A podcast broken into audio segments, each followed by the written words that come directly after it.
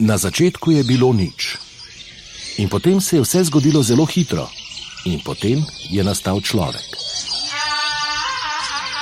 Ja, tarzan, ti zvej, lele, dunje, ranke. Ja, tarzan, ti zvej, lele,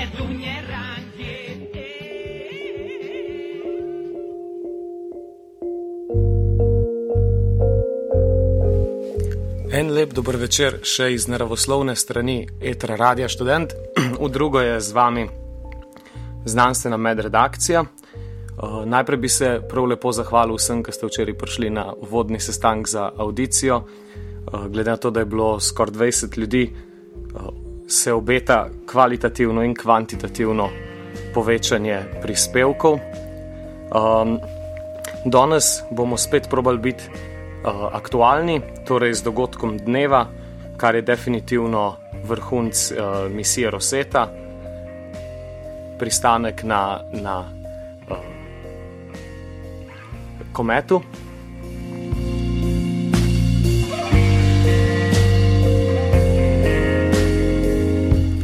Kasneje sledijo kratke novičke iz sveta znanosti, in pa ob koncu še prispevek z naslovom AIDS obstaja.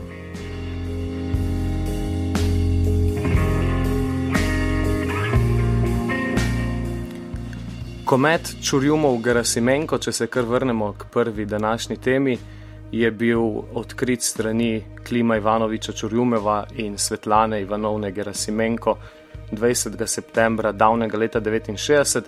Danes je pa jasno stopil v spredje, ker na njem pristaja modul Filaj.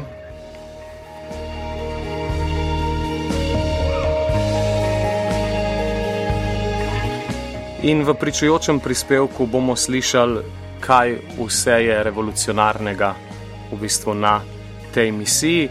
Kasneje, po samem prispevku, čez nekaj deset minut, se pa nadejamo še pogovora z profesorjem Cviterjem, enim izmed najbolj znanih slovenskih astronomov.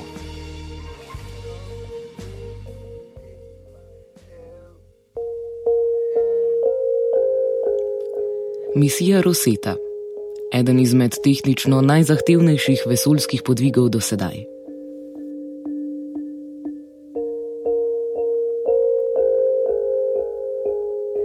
Danes je dan, ko je osebju European Space Agency ESA in navdušenim opazovalcem zastajal dih. Odvijal se je ključni del misije Rosetta, pristanek modula File na površju kometa 67P skozi Čurjumov Gerasimenko.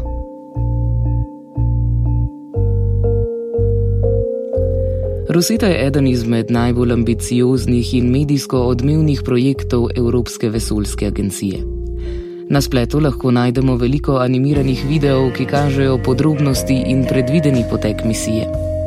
Med drugim so zanj posneli celo kratki film, v katerem lahko vidite Little Fingerja iz Igre prestolov.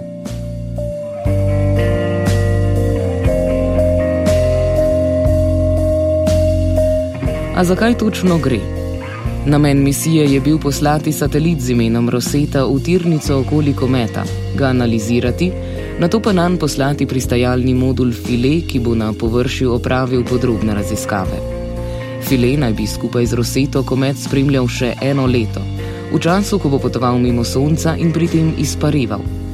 Podrobni podatki iz takšne bližine nam lahko dajo v pogledu veliko zanimivih stvari. Izvedeli bomo zanesljivejše podatke o nastanku sončnega sistema in prispevku, ki so ga imeli kometi k začetku življenja na Zemlji, saj naj bi ti prinesli s seboj večino vode. Kot ključni faktor za razumevanje nastanka življenja na Zemlji pa se lahko izkaže vloga aminokislin in drugih organskih molekul, ki so bile najdene v repu kometa ter meteoritih.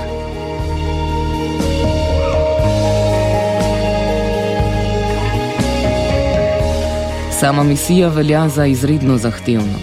Že da se utiri plovilo v orbito okoli kometa je zelo težko, kaj šele na njega poslati pristajalni modul, ki lahko na površju uspešno izvede raziskave. Znanstveniki so morali zato dobro preučiti gibanje in lastnosti kometa.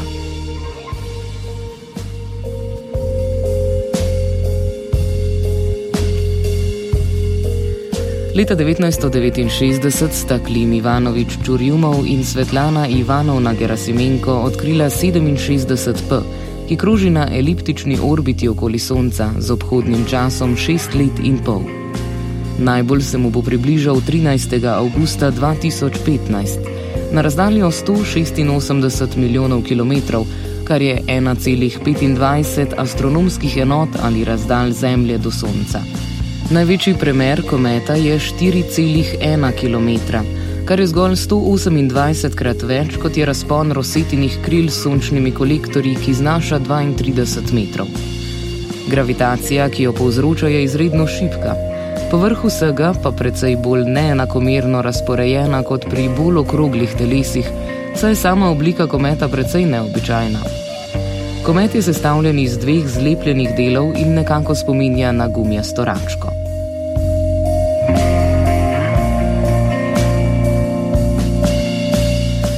V primerjavi z nasino misijo MSL, pri kateri je leta 2012 na Mars uspešno pristalo plovilo Curiosity, gre tukaj za zahtevnejšo nalogo v precej bolj odročnem in manj raziskanem delu vesolja. V nasprotju z večdesetletnim zbiranjem podatkov o površju Marsa so imeli inženirji in znanstveniki Evropske vesoljske agencije zgolj mesec dni časa, da so analizirali vse podatke o površju 67P ki jih je v tem obdobju zbirala Roseta, ter se odločili za primerno mesto za pristanek modula File. Izbiro mesta pristanka so določili po kriterijih obsijanosti površine s Soncem, ki mora biti vsaj 30 minut v popolni temi, času vidljivosti mesta pristanka z Rosete v orbiti, primernemu naklonu površja, ustrezen kot za opazovanje pri preletu Sonca in drugih.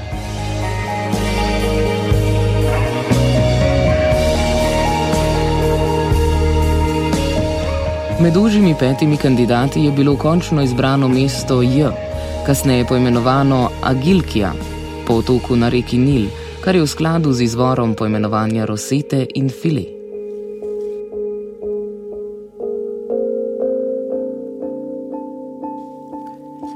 Kako je Rosita sploh prišla do svojega cilja?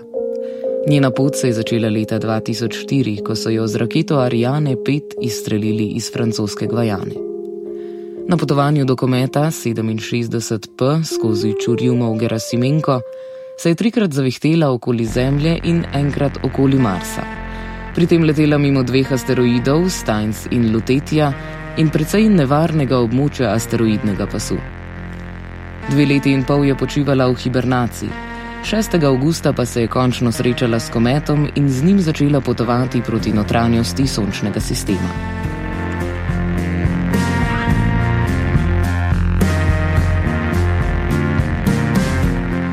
Danes se je po dolgih desetih letih začel ključni del misije: ločitev modula File in pristanek.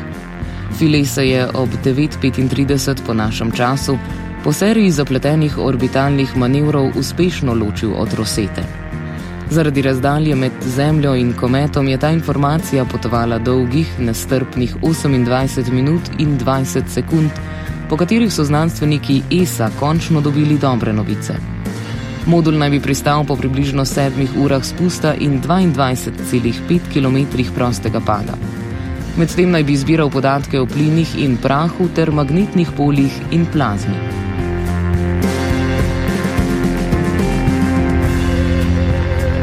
Pristanek bodo ublažile posebne vzmeti.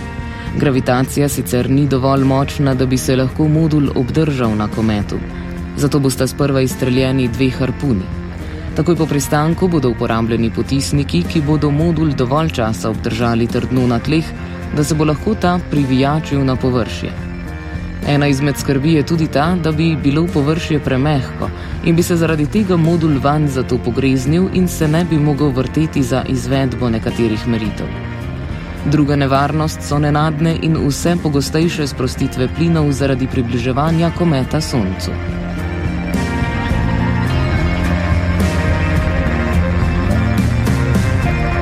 Med celotno pristajalno fazo ni časa za popravke zaradi omenjenega potovalnega časovnega zamika signala. Celoten projekt je torej izjemno zahteven izziv, poln nepredvidljivosti, pri katerem se mora v zelo kratkem času narediti analize, izračune in popravke. Sam manevr pristanka na kometu pa je nekaj, kar se poskuša prvič v človeški zgodovini.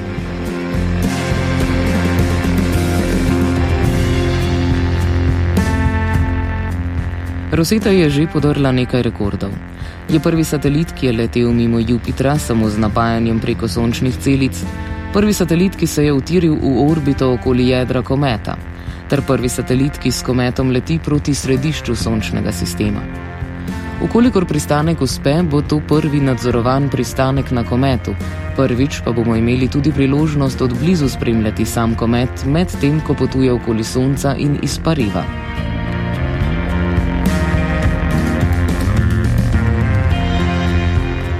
Uradni konec misije je napovedan za decembr 2015 z možnostjo podaljšanja in izpeljave tudi kakšnih bolj tveganih manevrov.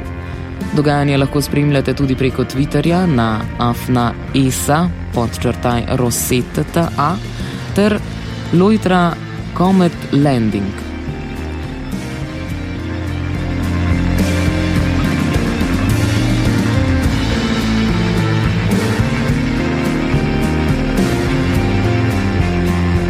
Pristajanje na kometu je preračunal Janka Perovšek.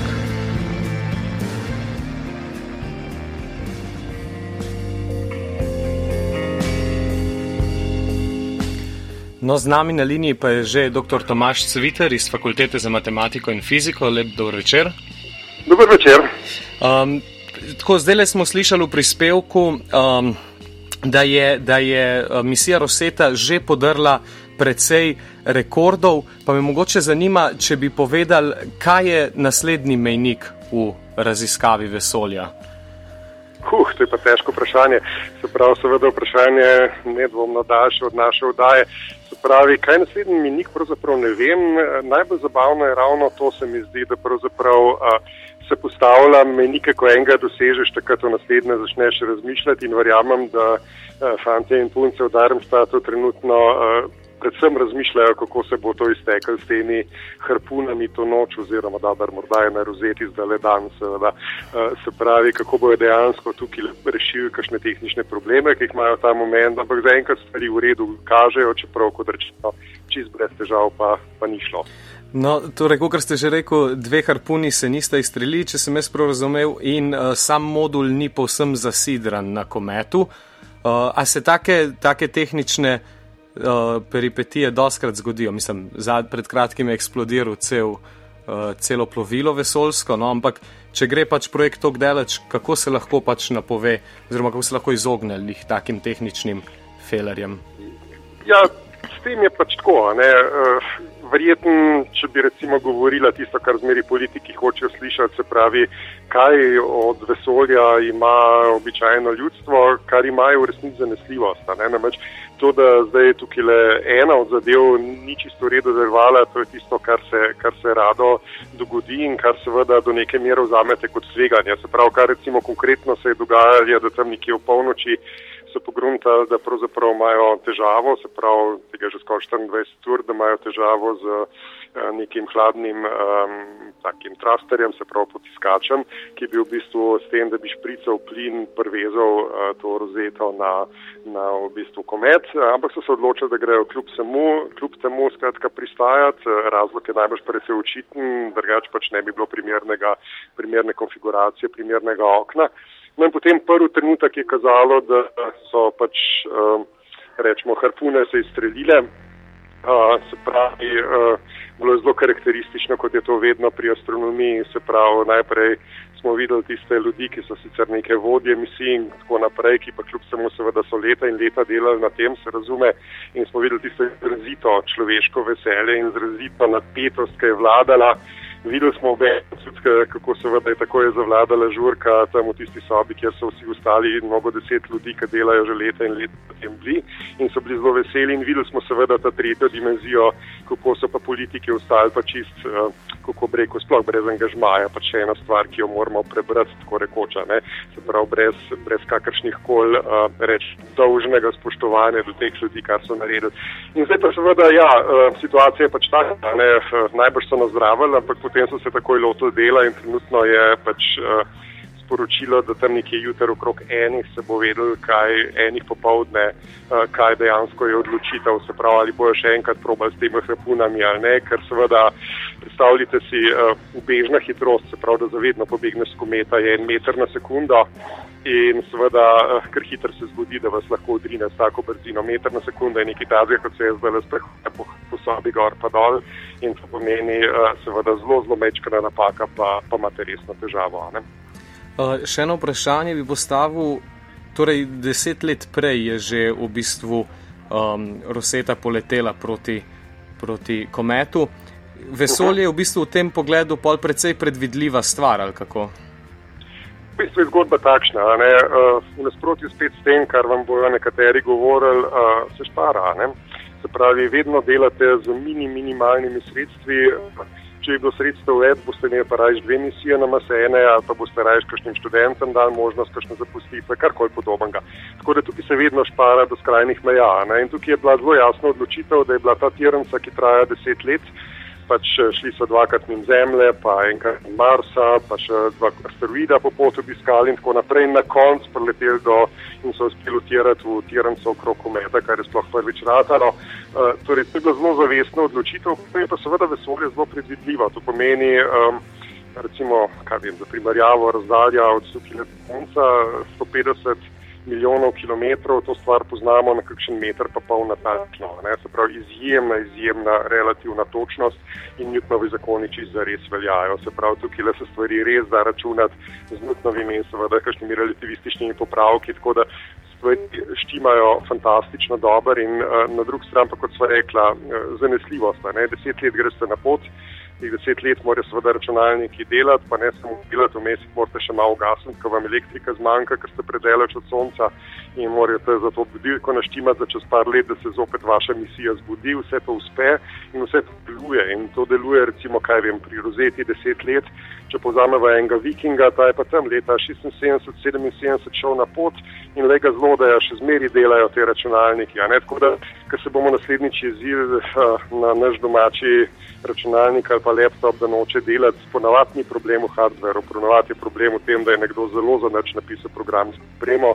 In uh, v tem primeru smo se pač, kar smo se v vesolju recimo naučili, te zanesljivosti. Se pravi, uh, mogoče se sliši to paradoksalno, ne, skratka neke harpune niso v redu, se izstrelijo, jaz pa govorim tudi o zanesljivosti, ampak zavedite se, da te harpune so morda eden od milijona delov, ki so morali delovati lepo v sozvočju in pač kakšna stvar kdaj ne gre, ampak še zmeri na konc, kot kaže, in bo uspela. Ne, se pravi, bojo kot vse kaže, obtičali na tem kometu, niso se odbili. Malo je sreče, zelo, zelo, zelo, zelo velike, pa seveda napore tukaj vloženega, da na koncu potem ta sreča lahko zaigra. Uh, mogoče še zadnje vprašanje. Zdaj, uh, pred kratkim je prišel do slovenske kinematografe film Interstellar, pa me zanima, kdaj bomo pa začeli pošiljati skozi črvine razne sonde. Jo, to pa jaz ne bi vedel. V glavnem vem, da je kratek odgovor nikoli, zaradi tega, ker jaz zmeri vidim to vrstne izjave, kako bomo potovali na neke druge zvezde, pa tako naprej, kot ti z dobrodošel izgovor, kako lahko še naprej packamo našo zemljo je napačna politika. Uh, zavedati se moramo, da pač verjetno je takih le zemelj v vesolju še murje, še ogromno, ampak uh, vse so zelo deleč, tako deleč, da se nam zaenkrat še sanja, ne, kako bi da nam bo to uspelo. Tako da ne, ne dvomam, da kdaj bo kdo prišel na kakšno brihtno idejo, ampak trenutno je to domena procesa, kar pravzaprav sploh niti koncepta nimamo in ga morda ne bomo nikoli imeli, morda pa kot rečem, nikoli ne reči nikoli. Se pravi, lahko kdaj kdo naš, najde kakšno dobro idejo in se bo kakšna stvar dala narediti. Ampak kot rečem, ni za računati in ker ni za računati, je pa seveda na drug stran zanimivo, da se pa jasno lahko pustite svoje domišljiji prosto pot, lahko snimate filme, lahko se tako stvari delate, to je v bistvu zelo zabavno, znanstvena fantastika zabavna za brati in verjetno tudi zapisati, ampak na drug stran pa seveda, kar je mogoče tudi zabavno, je pa na neki te znanstvene fantastike, pa kar tako precej realnost. Skratka, imate neko sondo, ki pa ure potuje samo signal, pa recimo, kaj vem, mogoče se kdo pritožuje, da še ni videl, da je videl samo eno sliko iz tega pristajalnega modula file, češ zakaj so koleni, zakaj ni več slik. Odgovor je grozen preprost. Največja hitrost prenosa podatkov, ki jo na razdaljo 450 milijonov kilometrov z dobrimi artijskimi antenami dosežete, je okrog 22 kilobitov na sekundo. Uh, poslušalci, ki so mehen starejši, se morda še spomnajo, da so obstajale neke zadeve, ki se jim je rekel modem, tak je čist navaden, počasen modem in to je nekaj počasneje od najpočasnejšega modema, ki ste ga kdaj uporabljali. Tako da dejansko te stvari traja, traja, traja, prijem se na to razdaljo, kaj pretoči in bomo videli, kaj slika, ampak bo treba počakati še par, par dni najbrž. Se pravi, 22 tisoč znakov na sekundo je vse, kar imate največjo hitrost prenosa podatkov. Če pa ta kanal ne deluje, je pa ta druga varianta, da imate približno en znak na sekundo, se pravi, lahko črkuje v A, pa B, pa C, pa tako naprej, približno s to brzino grejo stvari na to razdaljo, kar pomeni, vse mora delati blazno samostojno. In zaradi tega mogoče kdo opazil, da so tisti gospodje, ki so zrli v zaslon, niso več tipkali, ampak sam gledali so, kaj se bo pokazalo na zaslonu, seveda pol ure traja, da signal tja pride, pa v enem sploh ni mogoče pretočiti veliko podatkov, ne v eno, ne v drugo smer. Ampak katere vse podatke pa sonda zbira trenutno na kometu? Marsikaj, se pravi, gor je pravzaprav deset inštrumentov in teh deset inštrumentov je marsikaj, kar si lahko predstavljate, se pravi, kemični analizatorji uh, tega prahu, ki jim leti pa molekul, potem imate radar, potem imate kar nekaj uh, v bistvu slikovnih kamer različnih, ki pa seveda, ja, uh, to me je kolegica vprašala in rekla, ja, ampak A ni to čudno, da pravzaprav ima moj mobilni telefon bolj zmogljivo kamero, kot je na rozeti.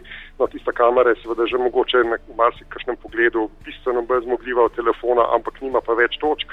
Razlog je pa zelo preprost. Vaš mobilni telefon je pač povezan z nekim zelo hitrim omrežjem in lahko pretakate slike zelo hitro na razdaljo 450 milijonov kilometrov, pa seveda to neče ita. Ne. Te stvari se bodo spremenile, ampak zaenkrat smo pač v tej tehnološki.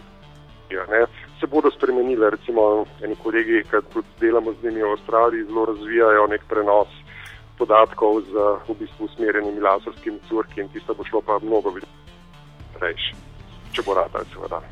Gospod Sviter, najlepša hvala za tole izčrpno poročilo. Pa lep tako, večer še tudi, naprej. Tudi vam. Tako, hvala. Srečno. Videnjem. Adijo.